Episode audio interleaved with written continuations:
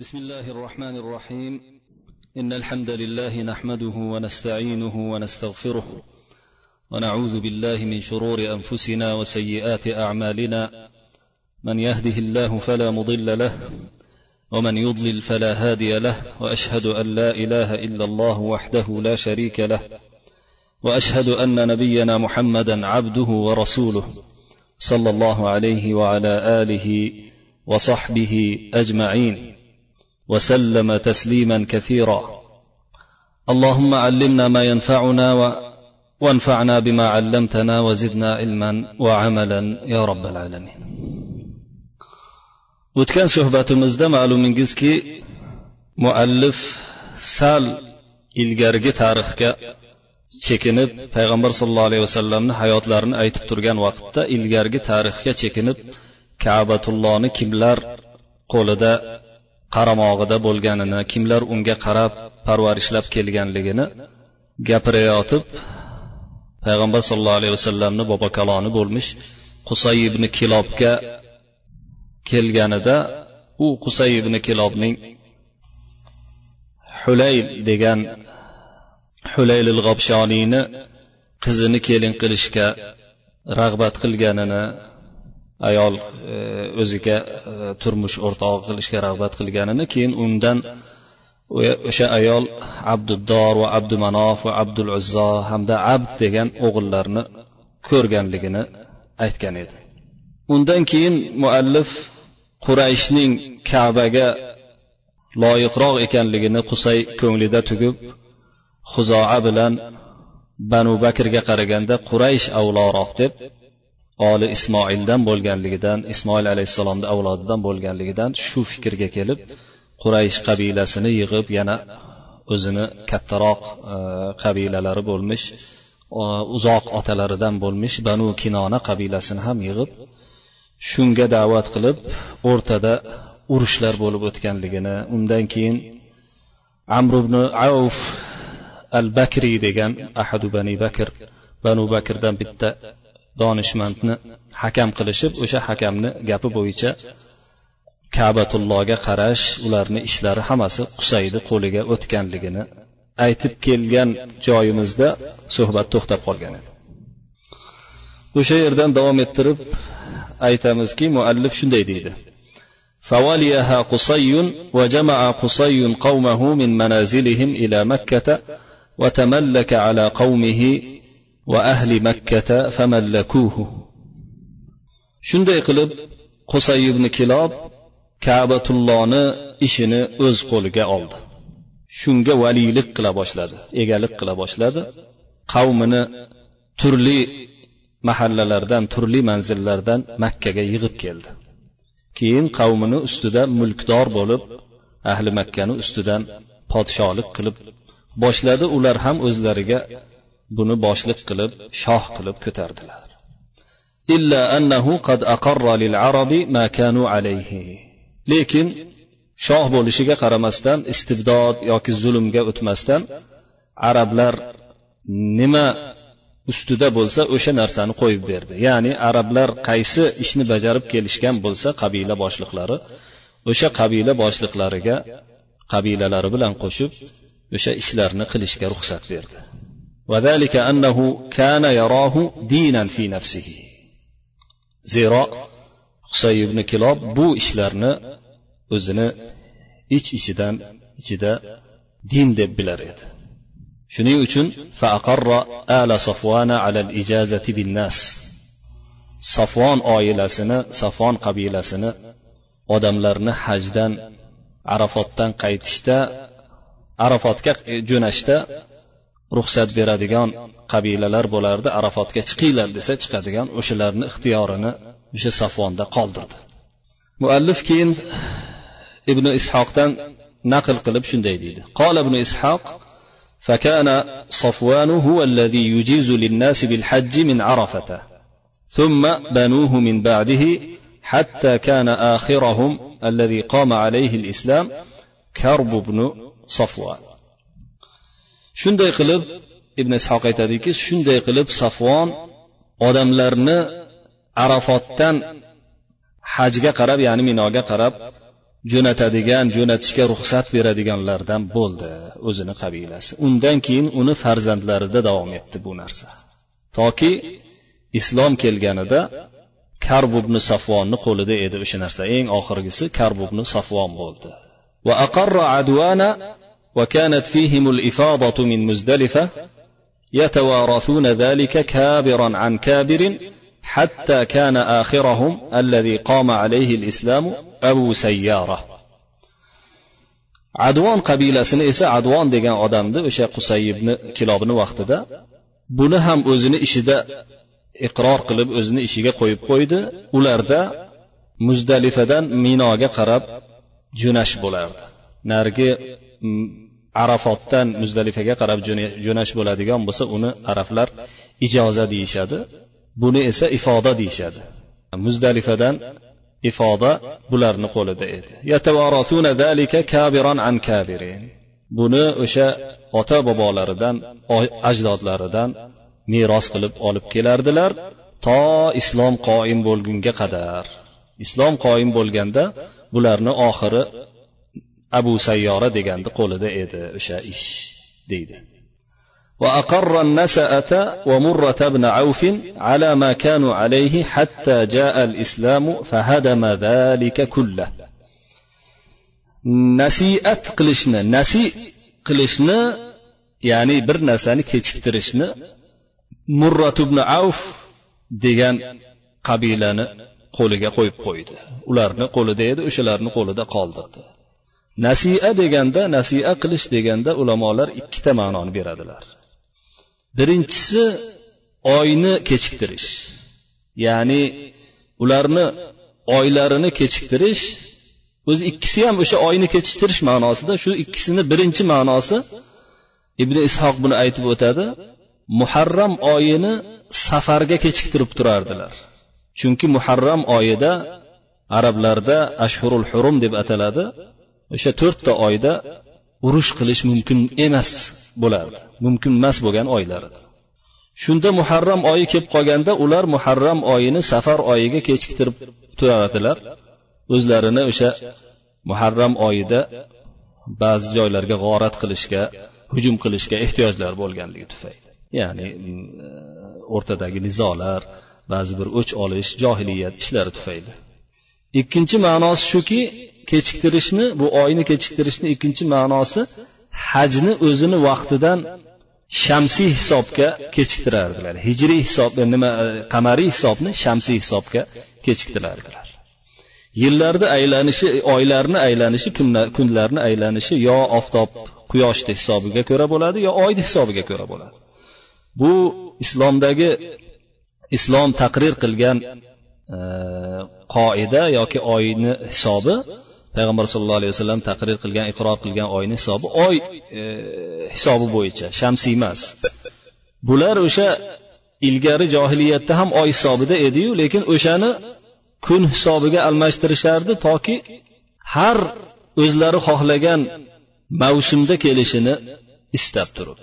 Masalan har yili o'n bir kun kechikadigan bo'lsa oy hisobi kun hisobidan ular o'sha o'n bir kunni o'tkazib yuborib turib o'tgan yili qaysi kunda haj bo'lgan bo'lsa o'sha kunda keyin yana haj qilardilar.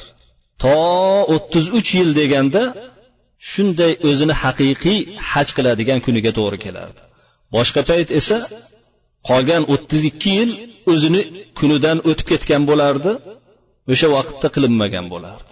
O'ttiz uch yil o'tgandan keyin yana o'zini vaqtiga kelgan bo'lardi. Shuning uchun ham e, payg'ambar sallallohu alayhi vasallamni haj hajjatul vadoda aytgan gaplari إن الزمان قد استدار كهيئته يوم خلق السماوات والأرض alloh taolo yer osmonlaru yerni yaratgan kunidagidek o'sha yaratgan kunidagi hay'atidek bugun mana shu kunda zamon aylanib keldi deganni ma'nosini ham ulamolar shu deydilar ya'ni payg'ambar sollallohu alayhi vasallam qilgan haj qilgan yili o'sha hamma noto'g'ri yil kunlarda qilingan hajdan o'tib to'g'ri yiliga kelganda payg'ambar sallallohu alayhi vasallam haj qilgan ekanlar. Bundan keyin payg'ambar sallallohu alayhi vasallamni buyruqlari bilan haj o'sha shamsiy hisobda emas hijriy e, qamariy hisobda bo'ladigan bo'ldi.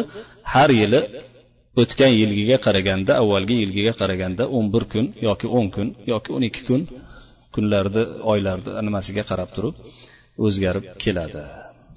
Demak shu ishni oyni urish uchun muharram harom bo'lgan oyni kechiktirib halol qilib olish yana hajni mavsumni yaxshi paytida kelsin deb hajni har yili o'n bir kunga kechiktirishni bir qabila o'zini bo'yniga olgan edi. Shular qilardilar shularga boshqalar ergashishardi. O'sha qusayibni kilob ham o'shalarda qoldirdi toki islom kelib bularni yuqoridagi narsalarni hammasini bekor qildi keyin muallif so'zida davom etib shunday deydi فكان قصي أول بني كعب بن لؤي أصاب ملكا أطاع له به قومه فكانت إليه الحجابة والسقاية والرفادة والندوة واللواء وقطع مكة رباعا بين قومه فأنزل كل قوم من قريش منازلهم من مكة آه keyin muallif aytadiki qusay o'sha kab ibn luay farzandlarining qavmi itoat qilgan birinchi podshosi bo'ldi shunday qilib kabatullohni kalidi kabatullohga qarash kabatullohni kaba po'shtlarini tayyorlash ustiga yopadigan yopinchiqlarini tayyorlash keyin hojilarga suv tarqatish hojilarni mehmon qilish makkada maslahat uylarini tuzish maslahat majlislarini tuzish urush bo'ladigan bo'lsa yoki biron joyga yurish bo'ladigan bo'lsa bayroqlarni tikish kabi katta katta ishlar buni qo'lida edi. Makkani qusay ibn kilob qavmi orasida mahalla mahalla qilib turib e, bo'lib berdi.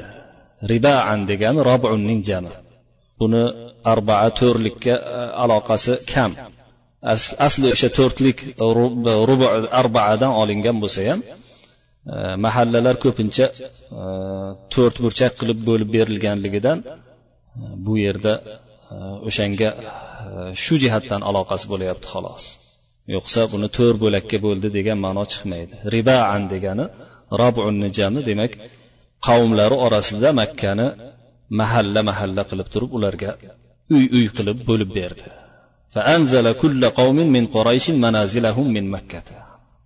Makkadan ha qurayshni har bir qavmiga har bir e, kichkina qabilachalariga ularni manzillarini joylashtirib manzillariga joylashtirib berdi. وقيل إن قريشا هابوا قطع شجر الحرم في منازلهم فقطعها قصي بيده وأعوانه فسمته قريش مجمعا لما جمع من أمرها وتيمنت بأمره. aytishlariga qaraganda quraysh o'zlarini hovlilarida manzillarida ilgarida bo'lgan haramni ichidagi ya'ni o'sha makkani ichi hammasi harom deb atalgan. Haramni ichidagi daraxtlarni kesishdan daraxtlarni e, olib tashlashdan hayiqishgan edi qo'rqishgan edi. Lekin mahalla qilish uchun hovli qilish uchun ba'zi paytda daraxtlarni kesmasa bo'lmaydigan payt bo'lganligi uchun qusay o'zini qo'li bilan ularga kesib berdida va uni yordamchilari ham bunga yordamlashishdi kesib berishdi. Shundan so'ng quraysh buni mujammi deb ataydigan bo'lishdi. Mujammi degani to'plovchi jamlovchi degani o'sha quraysh qabilalarini hammasini to'plaganligi ularni ishlarini bir joyga qilib qo'yganligi uchun shu nomni quraysh unga berdi. Quraysh bu qusayubni kilobni ishidan juda e, barakalanib qoldi. tayammanat degani baraka ko'rib qolishdi tabarruk qilib qolishdi buni ishini hurmat qilib qolishdi فما تنكح امرأة ولا يزوج رجل من قريش ولا يتشاورون في أمر نزل بهم ولا يعقدون لواء الحرب ولا غيره إلا في داره يعقده لهم بعض ولده biron bir ayol erga beriladigan bo'lsa yoki biron bir erkak qurayshdan bir erkak uylantiriladigan bo'lsa ularga nozila bo'lib ya'ni bir musibat kelib biron bir muhim bir ishda maslahatlashadigan bo'lsalar yoki urush va urushdan boshqa bayroqlarni tikadigan bo'lsalar hech joyda qilmasdilar faqat o'sha qusay ibn kilobni hovlisida uni uyida uni mashvarati maslahati bilan qilardilar farzandlaridan biri ularga o'sha bayroqni tikib berar edi tikish deganda bayroq tikish deganda birovga bayroqni qo'liga berib turib siz bayroqni ko'tarasiz mana shu quraysh qabilasini bayrog'ini deb berib qo'yish bayroq tikdi deganni ma'nosi shu وما تدرع جارية إذا بلغت أن تدرع إلا في داره حتى bir yosh qiz balog'atga yetganida arablarda bir odat bor edi. Ilgaridan ularni odatlari o'sha joriya katta yoshga yetganida bir dir kiyish odati bo'ladi. Dir degani ko'p taraflarini yopib turadigan kiyim degani. Ya'ni uzun kiyimlardan bittasi. O'sha vaqtda ham ularni uzun kiyishi bor edi. Shu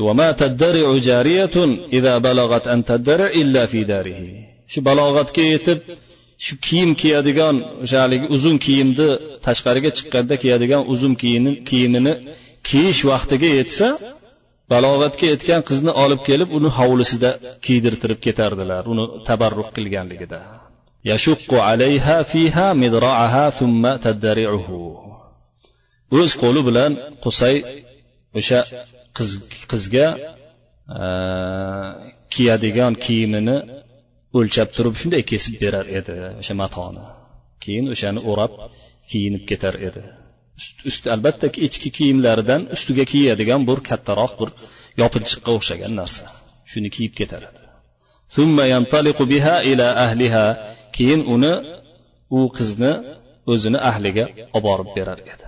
Qizni ahliga olib borib mana qizingiz balog'atga yetdiyu o'shani kiyimini men yopinchig'ini yopintirib kelyapman deb فكان أمره في حياته وبعد موته في قومه كالدين المتبع demak uni ishi o'zini hayotida ham o'limidan keyin ham qavmini orasida xuddi ergashilishi kerak bo'lgan ergashilishi vojib bo'lgan dindaqa edi dinga qanday ergashsalar uni aytgan narsasiga xuddi shunday ergashardilar deydi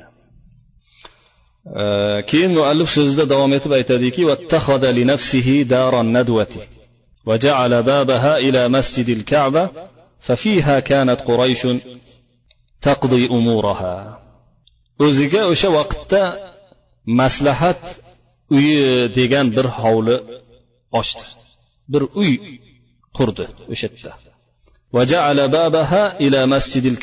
eshigini kaba E, musallosiga kabatullohni masjidiga eshigini to'g'irlab ro'para qilib turib uy soldi.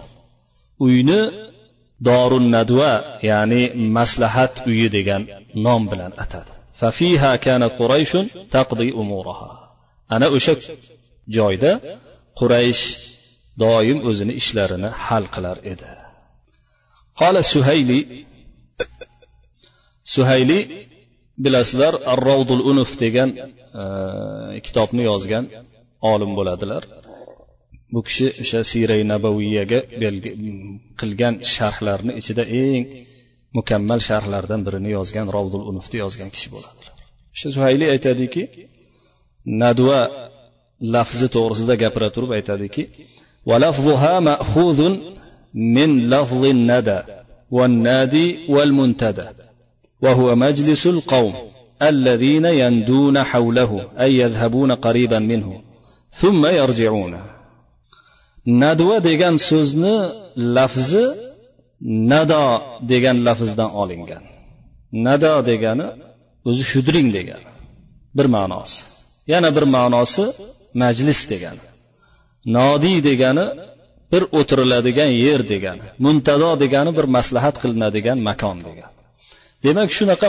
lafzlardan olingan nadva so'zidir وهو مجلس القوم الذين يندون حوله أو يذهبون قريبا منه ya'ni atrofiga to'planib yaqinlashadigan qavm buni majlisi degani nadva degani summa yarjiuna ya'ni keyin qaytib o'z joylariga qaytadilar bir joyga borib yaqinlashib o'sha joydan qaytishga nadva deyilar ekan Shuning uchun ham bu e, majlis bu uy dorun nadva deb atalibdi.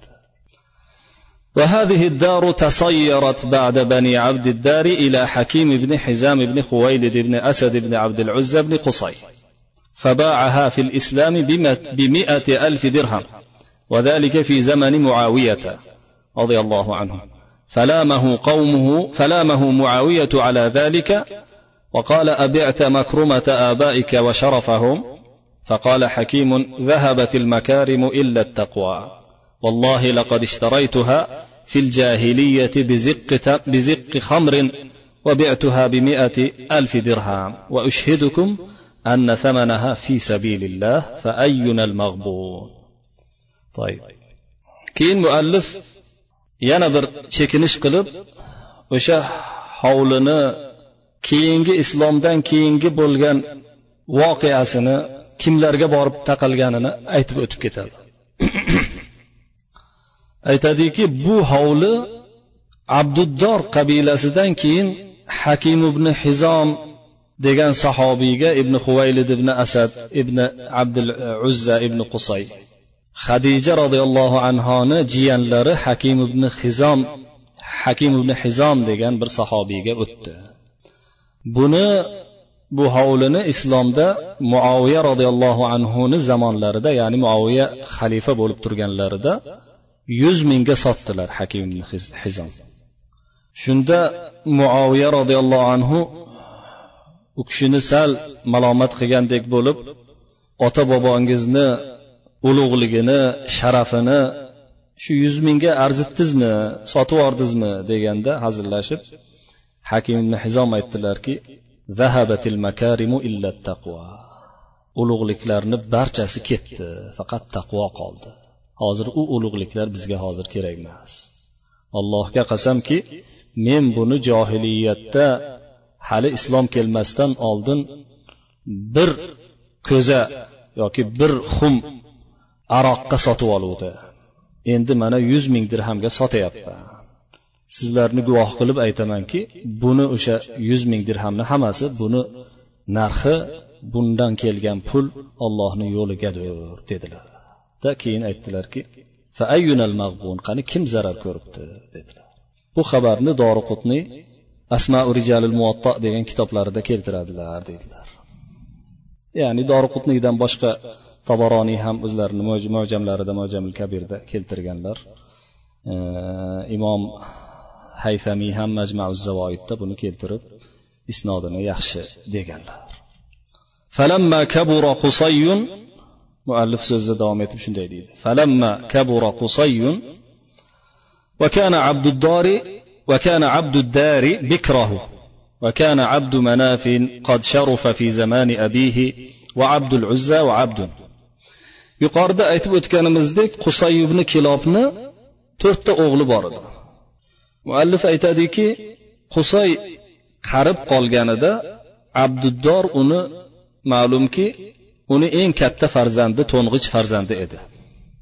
Abdumanof o'zini otasini davrida juda sharafga ega bo'lib ketgan abdul uzzo ham abd ham sharafga ega bo'lib ketgan ediyu abduddor katta akalari uncha sharafli bo'lmay qolib ketgan edi. Shunda qusay o'zini o'g'liga aytdiki qola qusayun لعبد الدار أما والله يا بني لألحقنك بالقوم وإن شرفوا عليك لا يدخل رجل منهم الكعبة حتى تكون أنت تفتحها له. ولا يعقد لقريش لواء لحربها إلا أنت بيدك ولا يعقد لقريش لواء لحربها إلا أنت بيدك. ولا يشرب رجل من مكة إلا من سقايتك ولا يأكل أحد من أهل الموسم طعاما إلا من طعامك ولا تقطع قريش أمرا من أمورها إلا في دارك. فأعطاه الحجابة واللواء والسقاية والرفادة shunda qarib qolgan qusay o'g'li abduddorga qarab aytdiki ey ollohimma ya'ni men allohga qasamki o'g'lim dedi bu sharafli bo'lib ketgan ukalaringni qatoriga men qo'shib qo'yaman seni. Garchi bular hozir sharafli bo'lib turgan bo'lsa ham mana shu gaplarim bilan seni ulardan ko'ra ham sharafli qilib yuboraman dedida sanadi keyin. Aytdiki qurayshdan biron bir odam kabaga sen ochib bermaguningcha kirolmaydigan qilaman kirolmaydi. Quraysh uchun ularni urushlariga tikiladigan bayroqni faqat sen E, tikib berasan qadab berasan. Makkada biron kishi sening seni ya'ni e, beradigan suvingdan ichadigan qilaman ya'ni sen tomondangina suv ichishadigan qilaman zamzamni faqat senga beraman.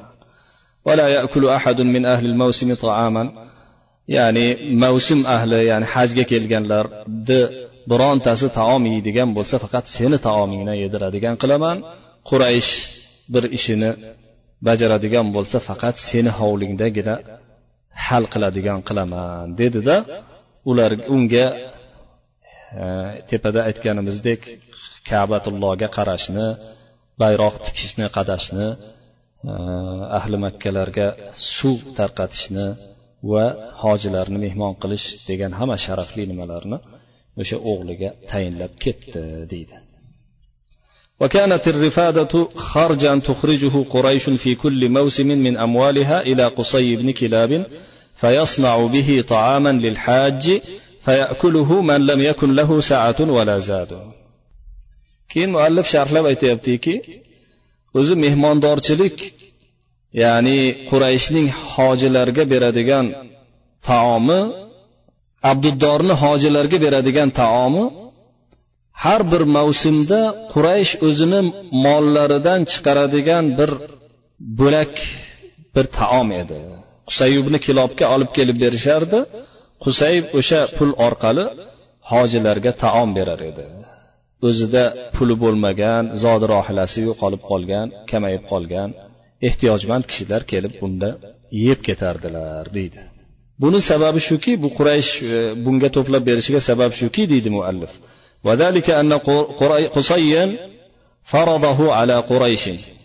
Buni sababi qusayni bu ishni o'zi bunchalik keladigan hojilarga albatta kuchi yetmasligini bilib o'zini puli ham yetmasligini bilib qurayshga qarab turib ularga bu narsani vojib qilib farz qilib qo'ygan edi. Ularga aytgan ediki faqola lahum ya mashara quraysh innakum jironulloh va ahlu bayti va ahlul haram va innal hujjaja dayfullohi va zuvaru bayti.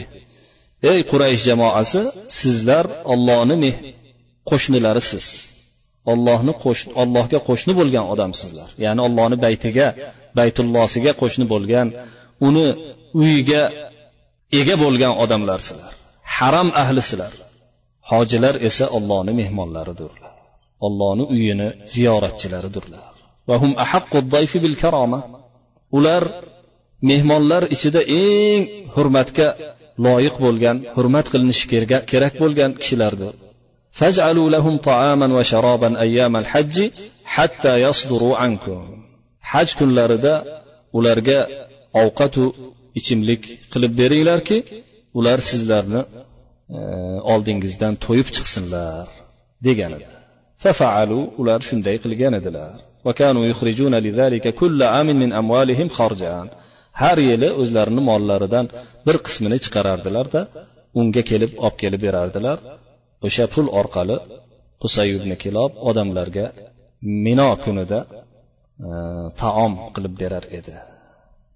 Shunday qilib to'plaganligi uchun ham unga nisbati berilib ketgan bo'lsa ajab emas فجرى ذلك من أمره في الجاهلية حتى قام الإسلام bu narsa johiliyatda davom etib keldi to islom kelib qoim bo'lguncha islom qoil bo'lgandan keyin ham ثم جرى في الإسلام فهو الطعام الذي يصنعه السلطان كل عام بمنن للناس حتى ينقضي الحج endi ibn hishom aytyaptilarki o'sha taom hozir ham mana sulton podshoh xalifa har yili minoda odamlarga to haj tugab ketguncha e, pishirib beradigan yetkazib beradigan taom o'sha vaqtdan qolgan deydilar keyin muallif qusay to'g'risida yana davom etib aytadiki وكان قصي لا يخالف ولا يرد عليه شيء صنعه فلما هلك أقام بنوه أمره لا نزاع بينهم. ثم إن بني عبد مناف أرادوا أخذ ما بيد بني, بني عبد الدار وأنهم أولى بذلك. فتفرقت قريش بعضهم مع بني عبد مناف وبعضهم مع بني عبد الدار فعقد كل قوم حلفا مؤكدا على أن يتخاذلوا ولا يسلم بعضهم بعضا ما بل بحر صوفة. Keyin aytadiki husayni ishi hech unga biron kishi muxolif kelmasdan biron kishi unga qarshi chiqmasdan davom etib biron bir ishni e, qiladigan bo'lsa unga hech raddiya berilmasdan davom etib keldi.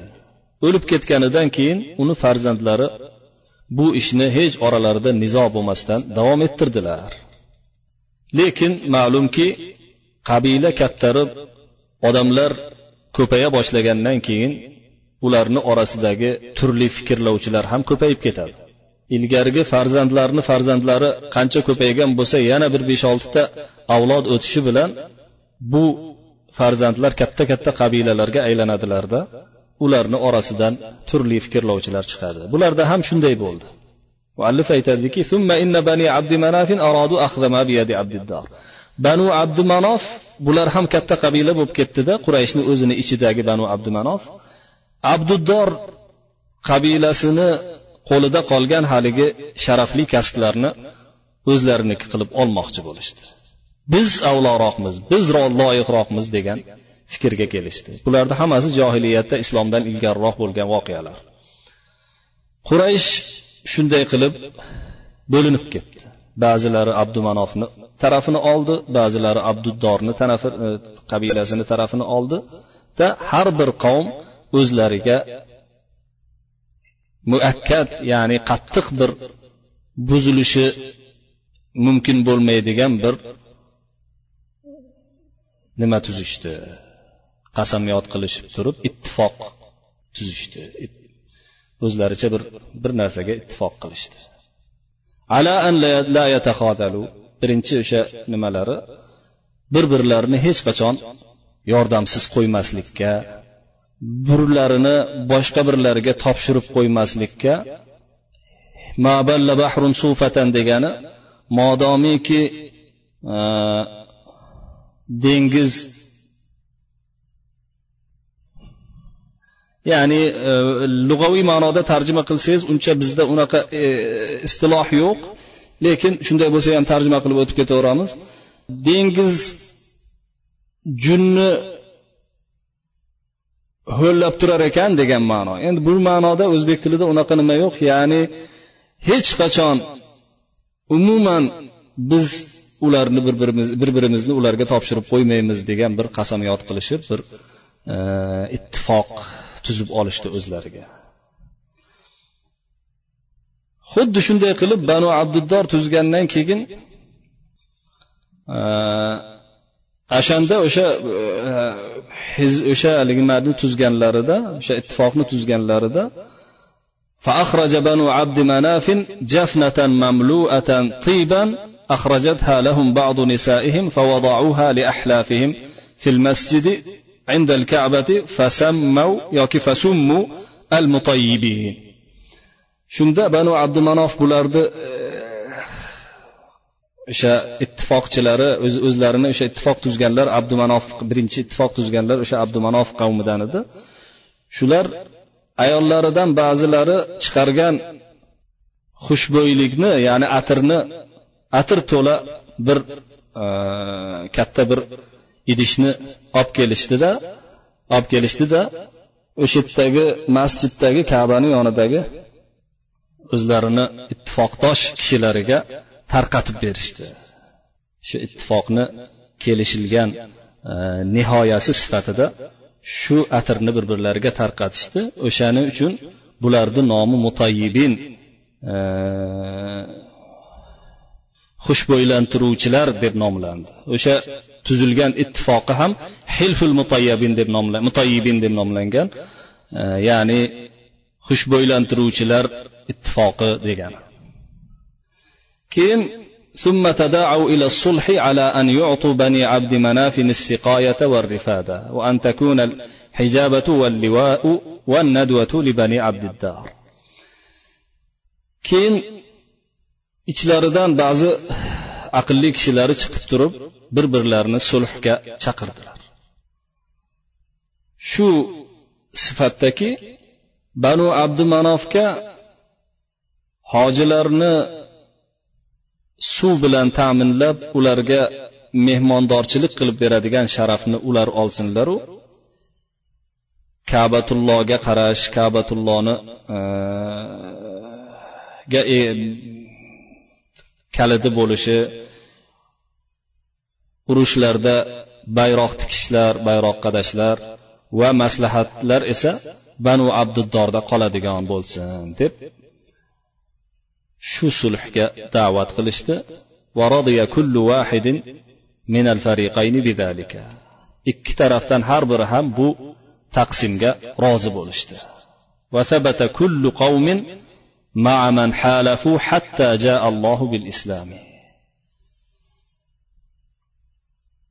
har bir qavm o'zlarini ittifoqlari bilan ya'ni o'z ittifoqdosh kishilari bilan mahkam turishib davom etishdi toki alloh subhanahu va taolo islomni keltirgunicha islom kelgandan keyin esa payg'ambar sallallohu alayhi vasallam aytdilarki faqol rasululloh sollallohu alayhi vasallam ما كان من حلف في الجاهلية فإن الإسلام لم يزده إلا شدة جاهلية bo'lgan qanday ittifoq bo'ladigan bo'lsa islom o'sha ittifoqni yanada mustahkamladi dedilar yaxshilikka bo'lgan zulmni ko'tarishga bo'lgan ittifoq bo'lganligida keyin muallif johiliyatda bo'lib o'tgan yana bir ittifoqni aytib o'tadi aytadiki va amma hilful fuduli فقال ابن إسحاق اجتمعوا له في دار عبد الله بن جدعانه وكان حلف الفضول أكرم حلف سمع به سمع به في العرب وأشرفه. وكان أول من تكلم به ودعا إليه الزبير بن, الزبير بن عبد المطلب. وكان سببه أن رجلا من زبيد قدم مكة ببضاعة فاشتراها منه العاص بن وائل وكان ذا قدر بمكة وشرف فحبس عنه حقه. فاستعدى عليه الزبيدي الأحلاف من بني عبد الدار ومخزوما وجمحا وسهما وعديا فأبوا أن يعينوه على العاص بن وائل. فلما فعلى جبل أبي قبيس وقريش في أنديتهم حول الكعبة فنادى بشعر يصف فيه ظلامته رافعا صوته. Keyin muallif hilful fudul to'g'risida gapirib shunday deydi. Hilful fudulga keladigan bo'lsak ibn ishoq shunday deydi. Bu ittifoq uchun ya'ni fudul ittifoqiga keladigan bo'lsak nima uchun fudul deb atalganligini hali pastda aytsalar kerak o'shanda aytib o'tamiz biz ibn ishoq aytadilarki o'sha ittifoq uchun abdulloh ibn judonni hovlisida to'plandilar. Abdulloh ibn judon johiliyatda o'lib ketgan payg'ambar sallallohu alayhi vasallam kelishidan sal ilgari o'lib ketgan juda saxovatli bo'lgan e, quraysh kattalaridan biri edi. O'shani hovlisida to'plandilar. Hilful fudul o'sha fudul ittifoqi arablarni ichida bo'lgan quloqqa chalingan eng hurmatli eng sharafli ittifoq deb atalsa arziydi deydilar muallif. Bu ittifoqqa birinchi bo'lib da'vat qilgan shu ittifoqni qilaylik degan odam zubayr ibn abdul muttolib degan payg'ambar sallallohu alayhi vasallamni amakisi bo'ladi. Buni sababi shunday bo'lgan ediki zabid qavmidan bir odam zabid yamanni bir qabilasi hisoblanadi. Yaman tarafdagi qabilalardan biri. Zabid qavmidan bitta odam makkaga bir mato bilan kelib qoldi.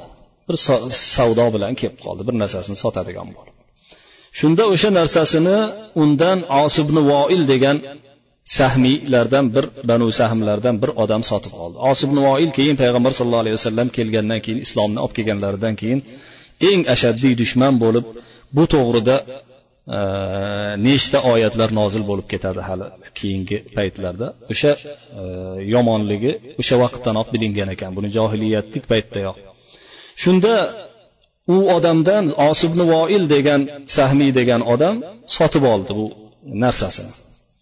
Matosini osibni voil makkada juda qadr qimmatga ega bo'lgan sharafga ega bo'lgan odam edi johiliyatda. Lekin o'zini ichidagi xubsi habisligi va iflosligi tufayli uni haqqini bermay o'zida to'xtatib qoldi. Shunda haqqini berishni talab qilib zabidiy haligi odam zabidlik odam banu abduddordan bo'lgan haligi ittifoqchilarni bunga qayradi. Ittifoqchilarni chaqirdi. Mahzum qabilasini ham chaqirdi unga qo'shib. Banu jumah qabilasini ham sahm o'sha odamni qabilasi bo'lmish sahm qabilasini ham banu adiy hazrati umarni qabilasi bo'lmish banu adiyni ham chaqirdi. Hammalarini chaqirib turib menga pulini olib beringlar dedi. Ular osibni voildan olib bera olmadilar yordam berishga kuchlari yetmadi yoki yordam bermadilar. Shunda abu qubays tog'ini tepasiga chiqdida abu qubays tog'i shunday makkaga qarab turgan makka makkani o'sha kabatullohni atrofiga butunlay toqqa chiqib aytgan odamni ovozi eshitiladigan tog' edi abu qubays tog'iga chiqdida quraysh o'zlarini majlislarida makkani atrofida kabani atrofida o'tirganda chiqib turib o'zini qilgan zulmlarini o'zini o'ziga tekkan zulmlarni gapirib o'zini ovozini qattiq ko'tarib she'r bilan johiliyatda she'r bilan aytilardi she'r bilan shikoyat qila boshladi aytib shunda فمشى في ذلك الزبير بن عبد المطلب وقال ما لهذا مترك ما لهذا مترك فاجتمعت هاشم وزهرة وتيم بن مرة في دار ابن جدعانة shunda bu to'g'rida zubayr ibn abdul muttolib o'rnidan turib yurdida aytdiki buni shunday tashlab qo'yib bo'lmaydi. Deb abdulloh ibn judonni hovlisida hoshim qabilasi payg'ambar sallallohu alayhi vasallamni nimalari e, qarindoshlari zuhra qabilasi sad ibn abi vaqqosni e, qabilasi taym ibn murro hazrati abu bakrni qabilasi bular to'planishib johiliyatda islomdan sal ilgari bo'lgan voqea endi bu. Birga o'tirishdi. Abdulloh ibn judon ularga e, mehmondorchilik qilib berdi.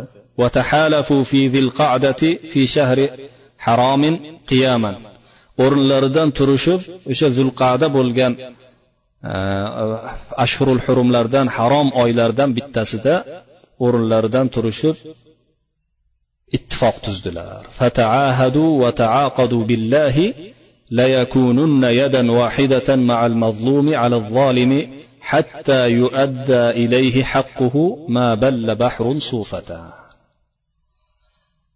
Ahdlashib ollohni nomi bilan qasam yod qildilarki bular zolimni ziddiga mazlum tarafda bir tanu bir jon bo'ladilar. Bir yoqadan bosh chiqaradilar toki zolimdan mazlumga haqqi olib bergunga qadar. Kim bo'lishidan qat'iy nazar u mazlum deb ahd qilib o'sha yerda bir ittifoq tuzdilar. Maballa bahrun sufatan bu yerda ham boya tepada aytganimizdek qachon bo'lishidan qat'iy nazar doimiy abadul obod mana shunaqa bo'ladi deb qasam ichdilar. Fasammat qurayshun zalikal hilfa al fudul bu ittifoqni quraysh fudul ittifoqi deb nomladi qolu وقالوا لقد دخل هؤلاء في فضل من الأمر fudul deb atashiga sabab deyaptilar muallif e, ibn ishoqdan naql qilib bular bir juda fazilatli ishga kirdilar kirishdilar degan ma'noda hilful fudul ya'ni fazilatlar ittifoqi degan ittifoqni tuzdilar deydi bundan boshqa bu yerda muallif aytib o'tmabdi boshqa siyrat kitoblarida keladi hilful fudul deb atashiga sabab yana o'sha yerda fazl deb atalgan kishilardan uch kishi bo'lganligidan shunday deb atalgan deydi lekin bu gap e'tiborga loyiqroq gap bu muallif naql qilgan ibn ishoqdan naql qilgan gap narigi gapga qaraganda e'tiborga loyiqroq ثم مشوا إلى العاص بن وائل فانتزعوا منه حقه keyin osibni voilga borib ular undan haligi g'arib odamning musofir odamni haqqini olib berishdi وقال الزبير بن عبد المطلب في أمرهم في ذلك shunda keyin zubayr ibn abdul muttolib bularni ishi to'g'risida shunday degan she'rni aytdi إن الفضول تحالفوا وتعاقدوا ألا يقيم ببطن مكة ظالم أمر عليه توافقوا وتعاهدوا فالجار والمعتر فيهم سالم bu fazilatli kishilar ittifoq tuzdilar va qasamyod qildilarki makka yerida biron bir zolim turmasligiga qasamyod qildilar bu ish ularni muvofiqligi bilan ularni ittifoqi bilan ularni ahd paymonlari bilan bo'lib o'tdi.